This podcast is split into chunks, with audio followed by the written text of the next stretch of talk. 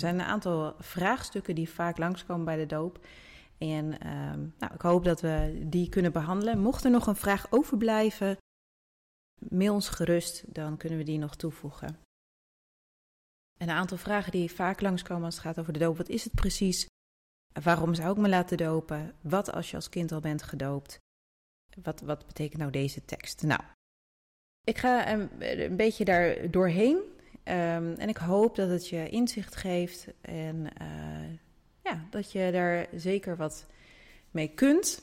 En mocht je zeggen, nou, ik wil me wel uh, laten dopen, maar ik heb in mijn omgeving uh, daar geen idee wie ik daarvoor moet benaderen, mail gerust. Als het gaat om de doop, is het iets wat we tegenkomen in het Nieuwe Testament, waarbij Jezus in Matthäus 28 kun je dat lezen in uh, vers 19. Ga en maak alle volken tot leerling. Doop hen in de naam van de Vader, de Zoon en de Heilige Geest. En leren hen alles te onderhouden wat ik jullie geboden heb. En het is dus een, een opdracht. Hè? Ga, maak discipelen en doop hen. Nou, waarom die doop? Wat, wat is dat dan? Het eerste wat we in het Nieuwe Testament tegenkomen is Johannes de Doper zijn naam verraadt het al een beetje. Wat doet hij voor beroep? Hij uh, doopt mensen. En zijn oproep is: bekeer je en laat je dopen. En de, de, de doop, nou, wat, het, is een, het is een ceremonie, het is een ritueel. Ik denk dat het allerbelangrijkste is om te beseffen dat de doop niet je redding is. De doop is niet wat ons redt. Dat is gewoon ons geloof in Jezus. Heel simpel, als jij gelooft dat Jezus de wereld overwonnen heeft, dat Hij God is, uh, dat, dat Hij uh, met jou samen wil leven en je gelooft dat, that's it. Dat is onze redding. Een woord van Hem is onze redding. Niet, niet iets wat wij kunnen doen, dus ook onze doop is niet onze redding. Maar wat is onze doop dan wel? Nou, onze doop is um, het, het, het ondergaan in water. Paulus beschrijft als een begraven worden in de doop en opstaan in nieuwheid des levens. En wat het mooie is van de doop is dat het een ritueel is waarbij we helemaal ondergaan en daarbij alles kunnen achterlaten van ons oude leven. Nou, heel vaak wordt er dan de focus gedaan op, zonde. Van, oh ja, dit heb ik gedaan, dat was fout. Dit heb ik gedaan, dat was fout. Dat heb ik gedaan, dat was fout. Is mooi hè, als, we, als we een bekeringsmoment hebben. Als we denken, ah, dit wil ik niet meer doen. Ik wil anders leven. Um, nou, dan is de doop echt wel een moment waarbij we um, ja, daar, daar heel bewust voor kiezen. Maar het is dus niet zozeer een vergeving van zonde, als wel het is een, een logisch geheel als het gaat om een, een, beseffen wie we zijn. En in je geloof in Jezus weten van, maar dat is waar ik hoor, dat is wie ik ben, dat is waar ik thuis hoor. En je doopt jezelf dus in het gezin van God. Een andere vergelijking die de Bijbel pakt is dat wij de bruid zijn van Christus. Nou, eigenlijk doop je jezelf in, in, in bruid, zeg maar. En het is niet meer ik, maar wij. Wij zijn samen, wij met elkaar. Uh, het is niet dat, dat jij als persoon niet meer belangrijk bent. Nee, God heeft jou ook op het oog, maar uh, je hele intentionele zijn verandert. Want je gaat een nieuw leven aan. En uh, dat is soms ook gewoon leren. Hè? Als je de, het punt waarop je gedood wordt, betekent niet dat je gelijk compleet veranderd boven water komt. Um, maar dat je karakter moet bouwen, dat je een nieuw leven op moet leren bouwen, dat je oude patronen moet afbreken, nieuwe patronen moet opbouwen. Dus het, het, het, het is geen magic. Wat het wel doet, wat wel bijzonder is, is dat we eigenlijk bijna altijd wel als we mensen dopen, dan, dan zie je wat gebeuren in die ogen. Dus het is wel iets, um, ja, dat je net als een bruid, dat schittert. dat zie je ook in die ogen terug van mensen. Dat is heel mooi. En dat uh, ja, is gewoon heel veel Gods liefde die daar. Je bent in Gods liefde gedoopt, zou je kunnen zeggen. En in zijn familie. Dus dat is het voor. Eigenlijk, je, dit is de ceremonie om het verbond in te gaan. die Christus voor ons uh, uh, mogelijk heeft gemaakt. En dat is een familieverbond en een geliefd zijn verbond en een, de, het kwaad overwinnen door liefde. Uh, weer in onze roeping gaan staan en dat beseffen. En als je beseft waartoe je geroepen bent, dan kun je je laten dopen.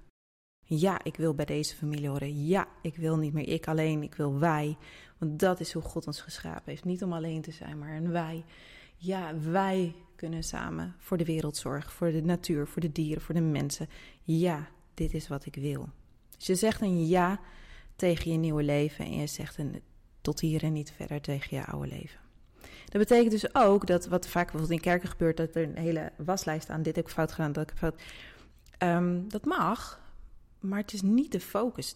De doop is niet per se nodig ter vergeving van zonde. Dat kon Jezus ook gewoon zeggen. Zonder de doop en zelfs voor zijn dood en opstanding.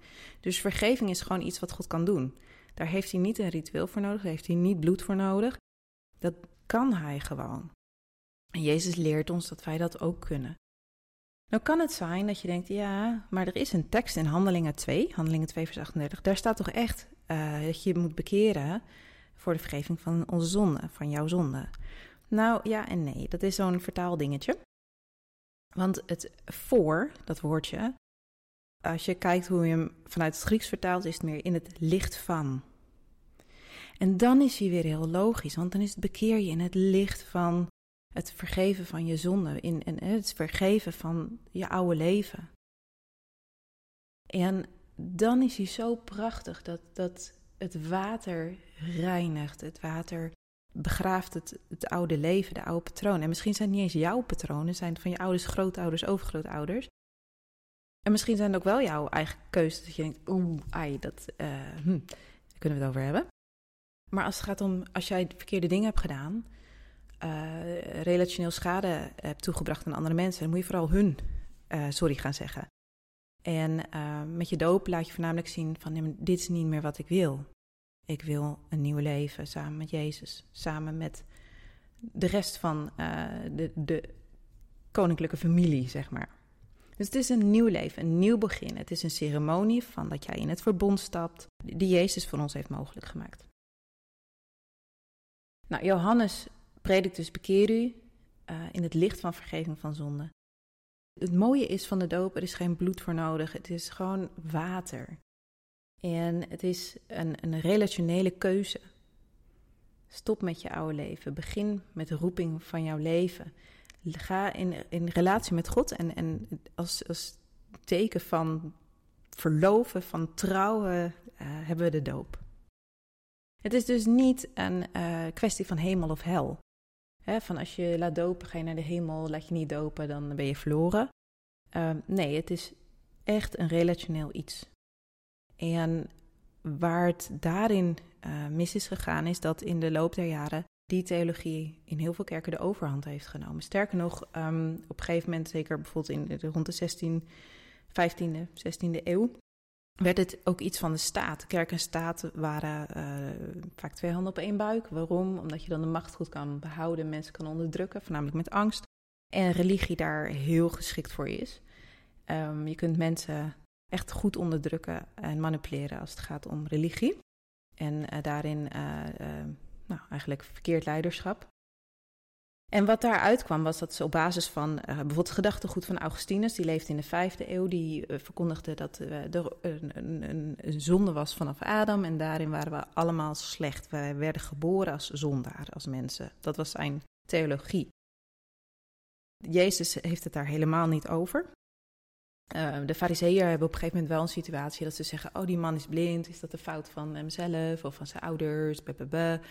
En Jezus die, die gewoon niet. Gewoon niet. Klaar. Weet je wel?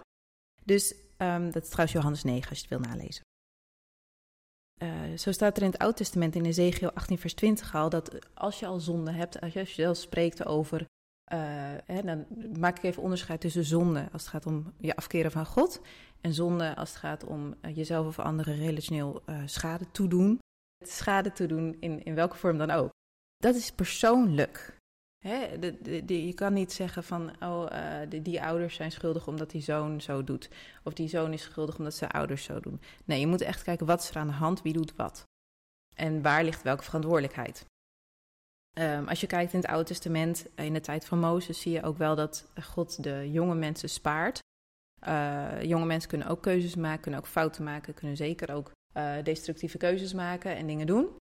Maar je ziet daarin wel dat God toch daarin een, een onderscheid maakt. Dus ben je volledig volwassen of ben je nog afhankelijk en aan het leren.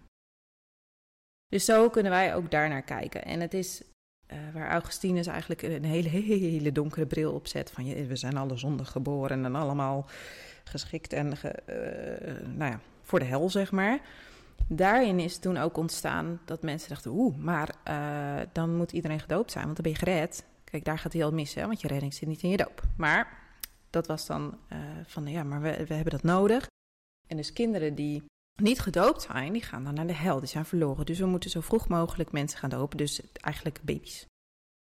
En theologisch hebben ze daar ook uh, de tekst uit Jozua bij gepakt van hè, as for me and my house. Dus voor mij en mijn huis, mijn hele huishouden. En ook in handelingen, uh, even uit mijn hoofd, handelingen 10, dat het hele huishouden wordt gedoopt. De vraag is, zijn er ook de, de kinderen gedoopt? Of is dat, gaat het om de volwassenen? Nou, dat het staat er niet heel letterlijk. Dus ik laat het even open. Ik kan daar niet een, een heel vanaf deze leeftijd of dat. Maar wat, wat wel helder is, is dat het een, vanuit Nieuw Testament een keuze is voor de volwassenen. Jezus zegt gewoon tegen de kinderen, laat ze bij me komen. Kom maar. En uh, bij de volwassenen wordt, hè, maak, maak mensen tot mijn volgelingen en doop ze. En dat is een vraag voor een bewuste keuze. Dus je zou kunnen zeggen van hè, met elkaar bekijken van of welke leeftijd kan iemand volledig zelf daarvoor kiezen. Nou, en die, uh, die discussie kun je met elkaar gaan voeren. Van wat vind je vanaf 12, vanaf 10, vanaf 18, vanaf 21. Per persoon bekijken wie heeft welke ontwikkeling en kan al op welke manier keuzes maken. Nou, die laat ik, uh, die laat ik open ter, uh, ter gesprek. Maar het is dus um, een heel mooi gedachtegoed dat jij in je hele huishouden uh, Jezus volgen. Het enige is dat als jij voor je kinderen kiest, dan zou je dat kunnen vergelijken met een uh, gearrangeerd huwelijk. Dus jij bepaalt met wie je kind gaat trouwen. Jij bepaalt voor jouw kind dat hij bij Jezus hoort. Nou gun ik dat alle kinderen. Gewoon dat ze het weten, dat ze ook bij Jezus horen. En dat niet wat ze doen of wat. Ze horen er gewoon bij. Jezus zegt gewoon: kom. That's it. Zo simpel. Zo simpel. Dus al zou een kind sterven, uh, wat niet de bedoeling is, maar dan het enige wat Jezus zegt is: kom, kom. Als hij dat al aan levende kinderen zegt, waarom zou hij dat niet aan de overledene kinderen zeggen? En ik denk dat we soms het in de theologie zo ingewikkeld kunnen maken, maar dat deze theologie geboren is uit onderdrukking en angst. Want de staat en de kerk konden op deze manier mensen um, ja, toch echt wel uh, onder de duim houden. En wat er ook gebeurde was dat ook mensen uitgesloten konden worden van de doop. En daardoor kon je bijvoorbeeld je politieke vijanden op een hele gemene manier uitschakelen. Ondertussen is het al eeuwen later en de theologie is daarop voort gaan borduren. Uh, het is zo gewoon geworden, het is traditie geworden, dat het um, uh, op dit moment eigenlijk vaker loyaliteit is aan geloof, loyaliteit aan de kerk, loyaliteit aan families, dat er nog steeds kinderdoop is en dat er mensen dus ook zo moeite hebben met overdopen of herdopen. En omdat het een, niet gewoon een persoonlijke keuze is, maar je daarmee gelijk in loyaliteitsconflict staat richting je ouders of richting je familie.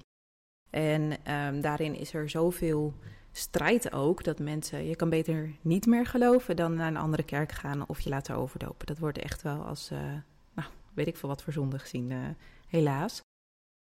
En daarin, mocht jij hierin uh, worstelen of denken van ja, wat is nou wijsheid, ook naar mijn familie toe, dan is het ook kijken hoe volwassen is je familie. Kunnen ze um, in, een, in, een, in, een, gesprek, um, in het Engels zeg je agree to disagree. Dus het met elkaar eens zijn dat je het ook met elkaar oneens kan zijn. Zijn ze zo volwassen dat ze dat aankunnen, dan kan je gewoon het gesprek aan. Het kan ook zijn dat je op dit punt dus tegenkomt dat mensen dat niet kunnen. En daarin is het ook kijken van oké, ze kunnen dat niet. Um, en dan het gesprek aangaan van nou, hoe kunnen we in ieder geval elkaar blijven eren, contact blijven houden. De, de, dat je um, weet dat ik jullie niet afwijs, maar dat ik ontdekt heb dat er meer is. Dat, het, dat, het, hè, dat ik heel erg waardeer dat jullie, uh, as for me and my house, is voor mij en mijn familie, dat jullie dat onze kinderen hebben gegund. Um, en ik, ik, snap dat jullie mij zo'n tussen haakjes huwelijk hebben gegund. Maar ik wil er zelf voor kiezen. Ik wil zelf volmondig ja zeggen op mijn partner. Ik wil zelf volmondig ja zeggen dat ik, dat ik koninklijk wil leven en in Gods koninkrijk wil functioneren, wil zijn, wil. En daarin ook de doop. Uh, zijn kerken waarin een kind volledig wordt gedoopt, zijn kerken waar wordt besprenkeld. Maar dat ik het bewust meemaak en zelf helemaal letterlijk en figuurlijk onderga. Als het kan, zoek het gesprek op. Als het niet kan, um, heb het er in ieder geval met mensen over, zodat je niet vastkomt in loyaliteit. Dat je daarin, uh, daarin wel je eigen weg met Jezus kan volgen. En uh, ja, het is echt wel belangrijk om daarin vrijheid te gaan vinden. En ook te kijken welke patronen maken nou dat het daarin vastzit. Want het is niet soms alleen loyaliteit en over een stukje theologie. Maar soms kan het ook te maken hebben met bepaalde patronen vanuit de generaties. En zijn die er om te tackelen. Want we mogen ruïnes herbouwen en we mogen uh, jukken afnemen. En dat is uh, een tekst uit Jezaja 58. Maar dat is echt onze roeping om te doen voor elkaar. En hè, soms is het ook echt tegen de stroom inzwemmen, um, iets nieuws inbrengen. Maar doe het wel in liefde. Ga niet, dit is de waarheid. En, want de waarheid, dat is er maar één. En dat is Jezus Christus, dat is een persoon. Dus we gaan niet mensen om de oren slaan met bijbelteksten. Maar gewoon in liefde kun je persoonlijk delen, je persoonlijke getuigenis. De goedheid van God is wat overtuigt. Dus ga niet uh, met de bottenbijl, ga niet je recht halen, ga niet zitten overtuigen. Nee, deel je getuigenis. That's it. Ga niet lopen teachen, ga niet lopen preachen. Want heel vaak zit daar vanuit pijn, zit er oordeel in. En zeker als je daarin nog niet geleerd en niet gegroeid bent, geen karakter in hebt kunnen bouwen, neem even contact op met wie dat al wel kan en ga oefenen. Hoe, hoe vertel ik dat dan? En hoe kan ik leren denken zonder oordeel? We hebben ook een andere uh, les daarover, dus ga die bijvoorbeeld ook luisteren. Maar dat is zo belangrijk. We, moeten de dialoog pakken en niet die discussie, want in die discussie gaan we vechten met elkaar. Maar in de dialoog kunnen we delen en kunnen we de ruimte laten. En misschien kunnen zij nog niet agree to disagree doen, maar kunnen we wel vanuit ons dat voorleven? En kunnen ze wel in onze ogen die liefde zien en die waardering voor wat ze hebben willen geven, wat ze wisten? Maar mogen we ook onze ruimte innemen en daarin Gods licht laten schijnen? Als getuigenis en niet als, maar wij hebben de waarheid in pacht. Nee, we kennen Jezus. En omdat ik Jezus ken, dat is wat ik wil. Ik wil niet anders meer. En ja, dat, dan is de doop gewoon echt ja, je, je, je, niet je gearrangeerde huwelijk, maar je huwelijk. In Handelingen 3 eh, staat ook keer om, terug, keer, keer terug naar je roeping. Turn to God. Draai naar God om. Dat is beleiden van zonde. Dat is stoppen met je zonde. Het is weer terug naar je eigen roeping. Terug naar onze roeping als mensen. En het gaat niet om hemel, hel. Ons eeuwig leven is, hebben we. We hebben het omdat we Jezus kennen. En niet in je hoofd dat je Jezus kent, maar kennen in alles. In je hoofd, in je ziel, in je hart, in je buik, in je, elke vezel. Dat je Jezus kent en leert kennen. En meer en meer en meer en meer. Het is trouwens een tekst uit Johannes 17, vers 1 tot 5 en Handelingen 3, vers 19. Als het gaat om kinderdoop, dan is er dus een verschil met de kinderdoop en volwassen doop. Er is een agree to disagree. Um, het is zelf een volle doorleven. Het is een echt huwelijk en geen gearrangeerd huwelijk. Het is het stoppen met oude leven. Begin met je roeping. En daarin mogen groeien. Je bent een discipel. We zijn allemaal leerlingen. We blijven leren. Als ik het denk dat ik het weet, dan ontdek ik altijd weer tig dingen. En dat is ook gewoon leuk van het leven met God. Het is dynamisch, het is fascinerend. Nou, dan zijn er ook nog vragen zoals: oké, maar uh, de, hoe doop je dan? Wat zeg je precies? Wat is nodig? Er zijn de, dus verschillende vormen. Hè? Eh, de, besprenkelen helemaal onder, voorover, achterover, op je knieën. Um, er is van alles. Nou, in, als het kan, volledig onder water. Want er wordt gesproken over begraven en opstaan. En dat, uh, ja, dat doe je niet door een uh, besprenkeling. Dat is gewoon vol onder. Als je kijkt naar hoe Johannes doopte, hoe de leerlingen van Jezus doopten, dat was gewoon in de rivier de Jordaan. Of in andere rivieren, ook in handelingen. Waar is water? Wat is er tegen dat ik me laat dopen? Daar is water, kom maar door. Um, dus of het een meer, een plas, een zee, uh, een badkuip, uh, een, een, zwembadje. Uh, you name it, het mag allemaal. Het is allemaal helemaal prima. Gebruik het maar, het water. Maar doop in ieder geval helemaal onder. En ehm, als je met z'n tweeën bent, kan je samen iemand vasthouden. En vaak wordt er dan achterover gedoopt, om, een beetje als dat begrafenisstukje, zeg maar. Um, maar in je eentje is dat echt zwaar. Dus dan is uh, het advies: laat iemand even op zijn knieën zitten als het kan. En doop voorover. Want je wil ook niet dat iemand ligt te spartelen en jij uh, nou, de, gebed nodig hebt voor je rug daarna. Dus doe het ook gewoon wijs. En wanneer mag je iemand dopen? Nou, op het moment dat iemand zegt van ja, ik, ik wil gewoon echt een nieuw leven. Ik wil uh, met Jezus leven. Ik wil Hem kennen. Ik wil Hem volgen. Ja, that's it. Jezus zegt kom, volg mij. Zo simpel. En heb je dan de verantwoordelijkheid dat je moet checken van hoe zit het precies en uh, moet je nog blijden van zonde? Nou, daarin kun je ook de ruimte geven aan iemand van, hè, zijn er nog dingen waar je schoon schip mee wil maken? Um, en dat kan dus ook een deel zijn dat je zegt, weet je, God vergeeft je. En daarvoor hoef je niet te dopen. Dus dan kan je dat ook gewoon uitspreken. Wij mogen zonder vergeven namens God. En daarin kun je ook in dat persoonlijke gesprek met iemand kijken van wat is er nog nodig. Hè? Want het kan ook zijn dat mensen dat dan gebruiken om lekker hun eigen uh, geweten te sussen. Maar daarmee nog niet een verantwoordelijkheid te pakken jegens zichzelf of anderen. En dat is het stukje discipelschap. En dat mag je dan ook uitleggen. Maar de doop zelf is geen vergeving van zonde het staat wel ten teken van dat je inderdaad zegt, ja, maar dat, dat, die patronen die leiden tot die zonde, tot die, die verkeerde dingen, die wil ik niet meer. Ik wil een nieuw leven. Nou, that's it. En dan mag je iemand dopen. Dus eh, zoek water. Moet iemand speciale kleding aan hebben? Nee. Um, je kan wel even erover nadenken van, is er uh, droge kleding? Heb je even een handdoek? Weet je, die dingen eromheen, dat je daarin uh, goed voor elkaar zorgt. Um, degene die doopt, die wordt natuurlijk ook nat, dus zorg ook voor jezelf. Als het gaat om dopen, wat wij veel doen is, uh, als we bij, met een groep zijn, dan uh, doen wij bijvoorbeeld één keer voor en daarna nodigen ook iemand uit, of we altijd gelijk, van hè, dat Bas of ik er staan en zeggen van wie heeft nog nooit iemand gedoopt. Kom erbij, dan uh, kan die persoon helpen. En dan heb je ook eens iemand gedoopt. En dan word je vaardig ook in het dopen van mensen. En de dopeling kan bijvoorbeeld weer dan mijn plek innemen. En dan kunnen we zo roleren. En dan kan je gelijk oefenen met dopen. Uh, want daar is verder, ja, het is gewoon doen. En als je gedoopt bent, mag je gewoon weer een, een, iemand anders dopen. Zo simpel. Daar hoef je niet de eerste zes jaar voor naar school. Ja, en dat is ook gewoon mooi. Dan, dan sta je ook gelijk hartstikke in je roeping. Het is er deel van. En je kunt wel kijken samen met iemand van oké, eh, nu je gedoopt bent, wie gaat je discipelen, waar kan je gediscipeld worden? Hoe kun je verder groeien? En dat je ook die nazorg wel bespreekt of, of geeft. Nou, dus dat is een beetje van de vorm en de hoe. En dan heb je nog wat zeg je. Je kan de, eh, de tekst van Paulus pakken. Uh, van begraven in de, in de dood, opstaan nieuwe des levens. Um, uh, doop je op basis van je geloof in de naam van de Vader, Zoon en Heilige Geest. Um, we dopen je in de naam van Jezus.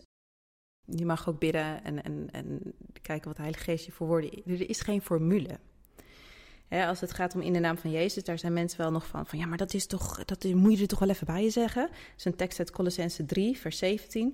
Maar daar staat, doe alles in de naam van Jezus. Nou, als ik boodschappen ga doen in de naam van Jezus en betaal in de naam van Jezus en mijn hond uitgelaten in de naam van Jezus en dat, eh, dat is het, hè? Het is alles in de naam van Jezus. nogmaals, dat is niet zo'n letterlijk ding wat wij vaak leren. Kijk heel goed naar wat betekent het, wat houdt het in. Want als we de dingen heel letterlijk gaan nemen uit de Bijbel, dan wordt het echt wel ingewikkeld. Maar wat hier staat is, doe, leef onder de autoriteit van Christus. Leef in zijn naam. Doe alles in zijn naam. Dus dat gaat erom van wat is je intentie, wat is je hart, wat is je gedachte. Leef in de naam van Jezus. Dus het is niet zo dat je verplicht in de naam van Jezus moet bidden. Nee, want je bidt al onder zijn en in zijn autoriteit. Het kan wel um, helpen om gewoon iets van tekst te hebben. Dat is gewoon fijn. Dat, dat, hè, een stukje ritueel uh, uh, is gewoon prettig. Dat we weten van oké, ik zeg gewoon dat als ik ga dopen. Dus je kan wel voor jezelf bedenken, nou, wat vind ik nou mooi? Wil ik dan een bijbeltekst pakken? Of... Maar het hoeft ook niet heel lang, hè? Dus houd, houd kort, zeker als het koud is. Wees een beetje mild voor mensen en jezelf.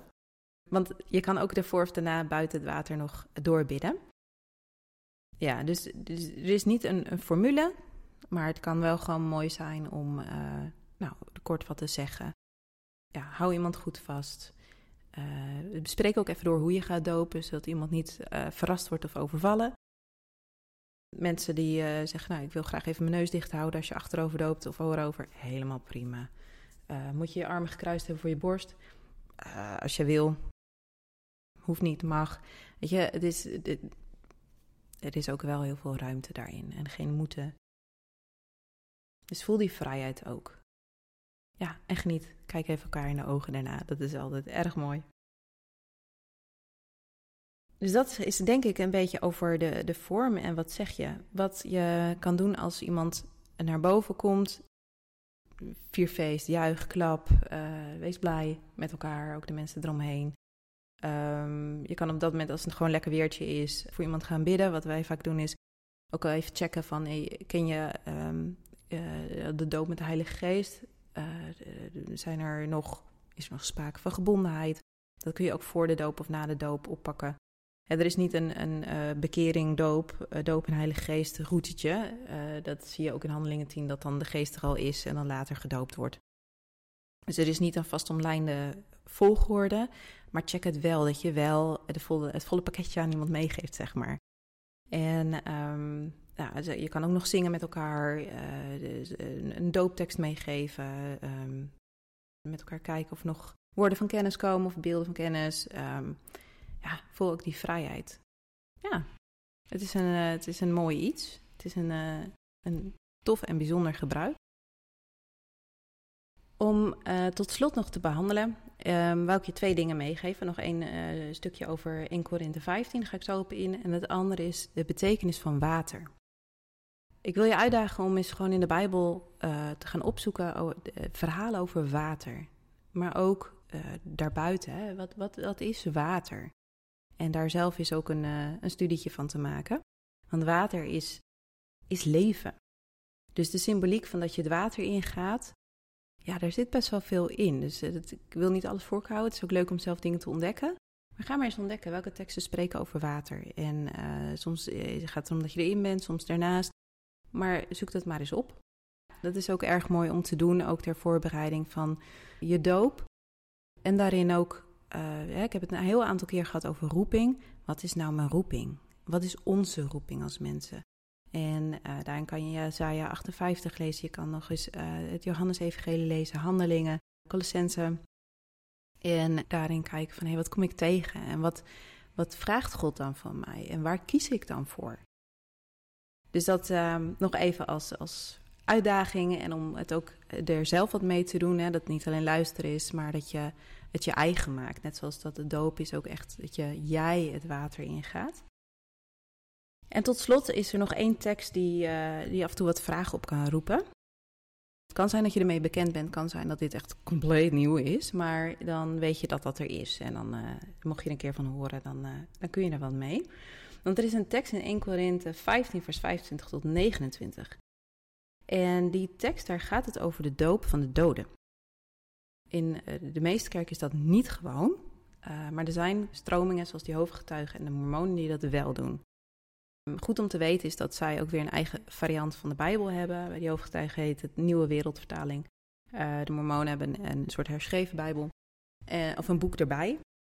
Nou, wat je, als je vaker J. luistert, dan weet je ondertussen al dat ook onze Bijbels vertalingen zijn en daarin keuzes zijn gemaakt. Maar ik noem het even omdat nou, daar in hun Bijbels echt bewust keuzes worden gemaakt waarin er een ander, op een andere manier naar Jezus wordt gekeken. Uh, als ik naar de Bijbel kijk, dan zie ik gewoon Jezus is God. Klaar. Het is, gewoon God op aarde, God met ons, Emmanuel. Uh, wat, wat heel lang een discussie is geweest van ja, maar is, is Jezus dan wel mens? Of is hij dan God? Of en en? Of me, me, me, me. Moeilijk, moeilijk, moeilijk. Ja, het is voor ons, ons brein is het heel ingewikkeld te bevatten, maar het is gewoon wat het is. Jezus is volledig God. En hij laat zich zien in, uh, in een mens. Eh, waarom? Omdat dat voor ons als voorbeeld is van hij, eh, als zoon van God. Wij zijn de zonen en dochters van God. En juist in Jezus kon God laten zien wie we zijn, wat we kunnen doen en waartoe we geroepen zijn. Dus het is echt heel tof dat hij dat heeft gedaan. En daarin heeft hij in een mens ook zijn belofte, zijn verbond met Abraham kunnen volbrengen door aan het kruis te gaan, maar ook weer op te staan en daarmee een nieuw verbond te scheppen. Nou, dat is, vind ik nog steeds heel leuk en tamelijk briljant. Uh, de reden dat Jezus weer uh, terug naar God is gegaan, hè, weer, weer God, volledig God werd en niet in dat menselijke lichaam bleef, is omdat God zijn Heilige Geest daardoor kon uitstorten. En dat is veel effectiever dan dat Jezus rond zou blijven lopen.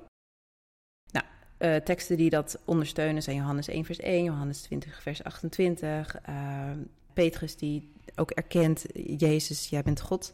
Uh, of u bent God. Je hoort ons wel vaker jij tegen God zeggen. Dat komt omdat we kiezen voor een persoonlijke relatie met God. In het Duits, in het Engels is dat heel normaal. In onze Nederlandse cultuur hebben we de, de u. Maar als, als iemand mij heel nabij is, uh, dan zeg ik geen u, dan zeg ik jij. in sommige families is het normaal om u te zeggen tegen je ouders. Hè, daarin kun jij zelf aanvoelen van hé, hey, wat, wat, als iemand me na aan het hart is, zeg ik dan u of jij. Maak het maar gewoon persoonlijk. En daarmee doe je niks af aan zijn heiligheid. Daarmee doe je niks af aan wie hij is. Maar deel je hart met hem. Praat met God. Nou, dat even als zijpaadje. Maar um, hè, dus, dus hoe kijk je naar God? En kijk je naar Jezus? Welke theologie hebben? Welke, welke uh, ja, is, is Jezus God? Of zeg je, je hebt God, je hebt Jezus en je hebt mensen. En Jezus is een soort tussenvorm. Hij is ondergeschikt aan God. En dat is dus juist in deze tekst, omdat het over ondergeschikt aan God, uh, dat dat besproken wordt in Korinthe. Zeg bijvoorbeeld de Jehovah-getuigen en de Mormonen, nee, Jezus is ondergeschikt aan God. Hij is niet gelijk met God, het is een andere God. Dus um, bijvoorbeeld in Johannes 1 vers 1, Jezus was het woord en het woord was God. Um, zegt zij een God. Nou, daar maken zij dus elke keer verschil in. Als Petrus zegt, Jezus, jij bent God, zegt zij, nou, Petrus heeft het tegen God. Hij spreekt niet tegen Jezus op dat moment, maar tegen God. Dus zo wordt hij anders geïnterpreteerd. Nou, en dan krijg je dus ook discussie over wat is het karakter van God, hè? Wat gebeurt er? Uh, nou, we hebben natuurlijk ook een boekje uitgebracht, uh, vertaald. We hebben niet zelf geschreven, maar vertaald van Keith Giles als het gaat om hemel hel. Jezus onoverwonnen. Um, die behandelt de drie verschillende bijbelse hè, wat je vanuit de Bijbel een visie zou kunnen noemen als het gaat over hemel-hel. En heel veel heeft te maken met ook het karakter van God. Welk beeld heb je? Welk beeld heb je van Jezus? Welk beeld heb je van God? Welk beeld heb je van je roeping die Jezus ons geeft? Nou, dat maakt alles uit in hoe je teksten leest en hoe je bijvoorbeeld deze tekst interpreteert. He, interpreteer je het als, als dogma, als taak? Uh, of kun je kijken, hey, wat is daar aan de hand? En moeten we daar wat mee? Of was het iets van toen? Nou, als je kijkt naar de situatie van 1 Korinthe. Uh, de Corinthiërs geloofden dat er geen opstanding was van de doden. Dat was iets wat speelde. Dus je had je eeuwige leven, maar je stond weer niet op uit de dood. Dus het was een beetje uh, ingewikkeld. En um, het was een beetje een mengelmoes van de oude, oude godendom met de Griekse filosofie. Um, er waren ook de, de stroming van er is niks na de dood. Maar ook uh, ook wel, ik denk gewoon oprecht van, oké, wij weten dit nu, wij kunnen gedoopt worden. Maar wat de mensen of de kinderen die nog niet gedoopt zijn? Die hebben dat gemist en die zijn nu de sjaak. Dus we moeten gaan dopen. We kunnen ook achteraf gaan dopen. Dus we zijn, uh, dat, dat Piet zich uh, de, laat, nog een keer laat dopen, maar dan niet als Piet. Maar die is dan op dat moment symbolisch Truus. En Truus wordt dan alsnog gedoopt. Nou, dat is het idee. Nou, hier heb je dus niet over een persoonlijke keuze kunnen maken. Hier is het volledig in het licht van de doop is je redding. Dus het is niet uh, zoals de, de, wat ik uit de Bijbel begrijp, dat het gewoon je geloof is. Ja, ik wil met Jezus leven. Ja, ik wil Hem beter leren kennen. Ik wil Hem volgen. En vanuit daar als gevolg daarop dat je als bevestiging dat je dat huwelijk, dat die verloving aanpakt en symbolisch je laat dopen. Maar dit is echt het, uh, je, je, hebt het nodig, anders dan ben je. Dan ga je naar de hel of dan uh, hou je op met bestaan. Zeg maar dat. Dus dat is waarom uh, na de dood mensen opnieuw worden gedoopt. En is dat de bedoeling? Nee, ik denk het niet. Ik denk oprecht niet dat het de bedoeling is, omdat de doop juist een persoonlijke uitnodiging is. En uh, als het gaat om zonde, dat het ook een persoonlijk iets is. En ja, dat we dat gewoon in oogschouw houden. En dit is één tekst waarin Paulus een stukje aan het uitleggen is, een stukje wat voor die Korinthe op dat moment nodig was. Maar het is zeker niet een tekst wat wij nu moeten naleven. En ik denk dat het ook wel gebaseerd is ook op angst. En uh, dat is niet een goede wortel.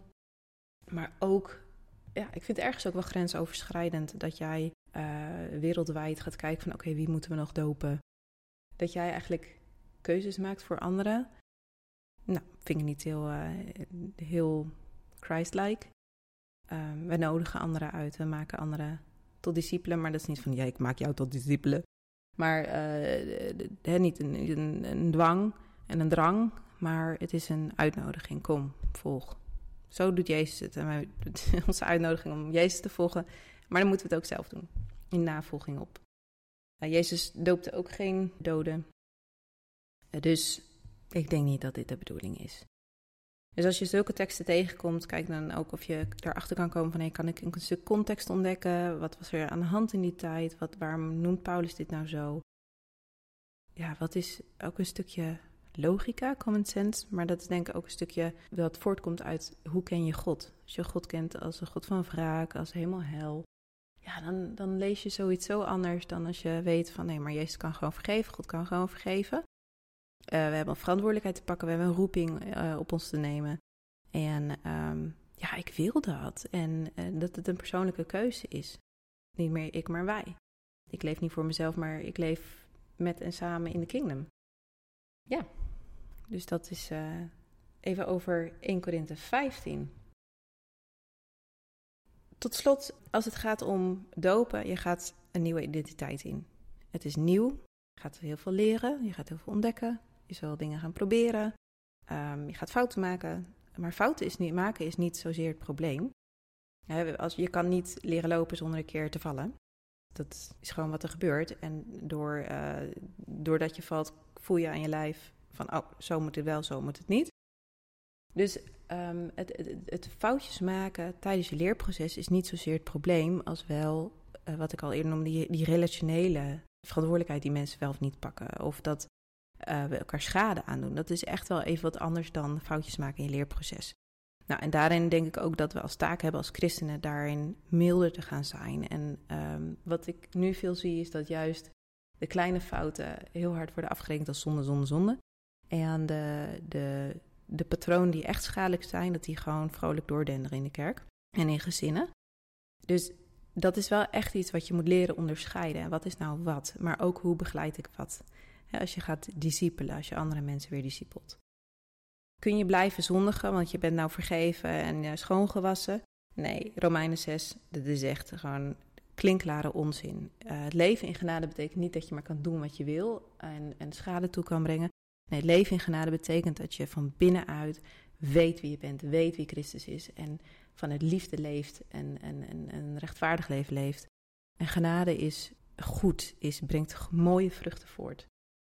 En als je op die manier intentioneel leeft, dan wordt je innerlijke ethische kompas ook gewoon zuiver. En uh, kun je daar hele mooie vruchten mee voortbrengen. En is het, wil je ook gewoon sommige dingen niet meer? Wil je sommige dingen niet meer kijken? Wil je aan sommige dingen niet meer je geld besteden of je tijd of wat dan ook? Wil je ook uh, patronen veranderen? En als het gaat om patronen veranderen, sommige kun je gewoon prima zelf tackelen. En, en uh, heel vaak gaan ogen ook open voor shit, wat ben ik aan het doen? Of wat is, wat is er eigenlijk aan de hand in onze familie of in mijn gezin van herkomst? Of dat, klopt helemaal niet wat we hier doen. Of de grappen die ik maak zijn gewoon ten koste van iemand. Um, laat je ogen open gaan. Laat God je hart aanraken. En, en het kan soms best wel, nou, ook wel confronterend zijn en niet grappig. En je in je schaamte of schuld zetten. Maar het zijn, dat zijn goede emoties, daar moet je wat mee doen. Dat kan je omzetten in verantwoordelijkheid. Dat kan je omzetten in hoe kan ik niet dingen verdoezelen, maar hoe kan ik op een goede, tedere, zachtmoedige manier met mezelf en met anderen omgaan om dit patroon te tackelen. En verberg het niet, breng dingen aan het licht. Weet je, het is, het is, uh, het is wat het is. En aan ons de schone taak om uh, schoon schip te maken. Kan ook zijn dat je dingen, patronen tegenkomt of dingen in jezelf waar anderen je mee confronteren of waar je mee geconfronteerd wordt. Dat je denkt, ja, dit ik klop niet of ik ben gewoon gek of check het alsjeblieft. Ik werk veel met mensen ook met, met trauma en een, lichaam kan zodanig gaan reageren, emoties kunnen zodanig in de war zijn dat mensen denken van ik ben gek of ik word gek. Dat is niet zo. Um, dan is er gewoon een, een, een stressresponssysteem die in de war is, die gewond is. En innerlijke wonden maakt vaak, of, of, bijvoorbeeld uh, de, onveilige hechting maakt gewoon dat je gedrag hebt wat schadelijk is naar jezelf of naar anderen of allebei. En dat is niet dat je het wil, maar het is wel vaak wat er gebeurt. En dat kun je niet alleen tackelen. Het spijt me, maar je zult door schuldschaamte heen, want je kan het niet alleen tackelen. Je hebt daar andere mensen bij nodig. En dat kan beginnen met één of twee, maar je hebt mensen nodig. En je kan daarvan genezen. En dat is niet uh, één gebed en klaar, want het is, heeft te maken met eh, opnieuw leren, het, het, het, resetten, zeg maar. En daarbij is ieder verhaal ook weer uniek. Maar je verdient wel de liefde en aandacht om dat te laten herstellen en om te kunnen herstellen. Je bent niet gek. Je bent niet gek, je bent gewond.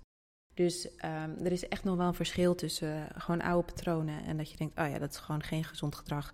Ga ik ombuigen? Um, investeer in het goede, hè, voed het goede, dan gaat het goede groeien. En dan uh, wat je geen aandacht meer geeft, slijt weg. Je brein ruimt dat vaak gewoon op. Wil je het gewoon schip maken en denk je van, nou, dit zijn toch echt wel dingen die ik heb gedaan, wat niet, niet juist is geweest. Uh, maak het bespreekbaar en ga ook kijken van, hé, hey, welke verantwoordelijkheid heb ik? Welke verantwoordelijkheid ligt bij wie? En uh, hoe kan, wat, wat kan ik daarin doen? Wat is mijn ruimte van invloed? Om, om constructieve keuzes te maken of in ieder geval te kunnen gaan oefenen. Van hoe doe je dat dan en hoe werkt dat dan? En ehm, het hoeft niet in één keer allemaal goed te gaan, maar dat je wel op de goede weg bent. Snap je? En hoe meer je daarmee oefent, hoe sneller, hoe vaker, hoe beter het gaat. We zijn leerlingen, we zijn discipelen. Nou, dat start allemaal net als een huwelijk, start het op één moment van een keuze dat je Jezus wil volgen. De doop is een moment waarop je dat bevestigt. En waarin je, eh, net als met een huwelijk, ja, daar begint het pas. Want dan, dan ben je getrouwd, maar je moet je huwelijk nog gaan bouwen. Yes? Oké. Nou, mocht je nog vragen hebben uh, die ik niet heb behandeld, laat het weten. En uh, mocht je je willen laten dopen, laat het ook weten. Dat kan ook bij mensen in jouw buurt als je die kent. En het is gewoon, ja, het is gewoon iets heel bijzonders. Het is echt wel iets waar we heel blij mee mogen zijn en mogen omarmen. En uh, is nice. Heel veel zegen, ook in, uh, in, je, ja, in je verdere discipelschap. En ik hoop dat deze studie je weer heeft geholpen en dingen heeft verhelderd.